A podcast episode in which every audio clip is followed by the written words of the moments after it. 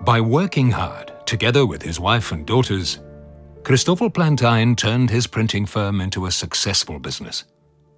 Plantain's second daughter, Martine, married Jan Moretus, who succeeded him in running it. Jan Moretus and Martine Plantain had 11 children.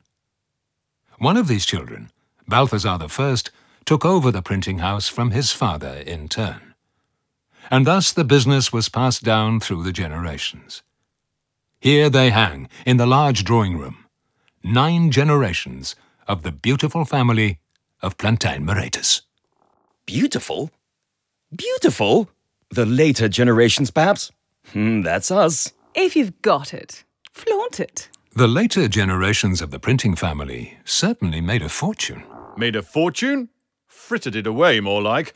All that hard earned money that we, the earlier generations of the family, earned.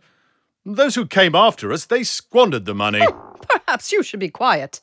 You didn't work that much yourself. What's that? I worked until I dropped. Literally, you died fairly young. Yes, but there's nothing I can do about that. No, but it's not my idea of fun. Who ran the printing works after you died? I did. While you were up there eating rice pudding off of golden spoons, hmm? It's true, the women played a large part in the success of the printing firm. Thank you, sir. Hm.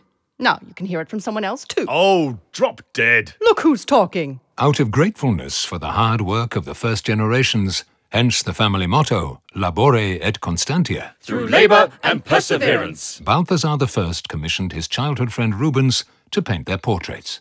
Balthazar and Rubens were schoolmates, by the way. Ah, yes. Balthazar and his little friend Rubens. Ruby, Ruby, Ruby, Ruby! ah!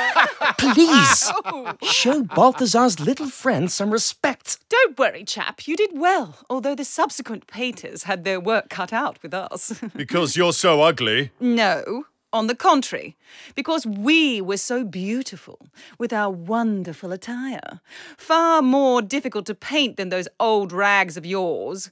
We had gorgeous clothes, splendid jewellery. Ah, yes, we were elevated to the class of the nobility.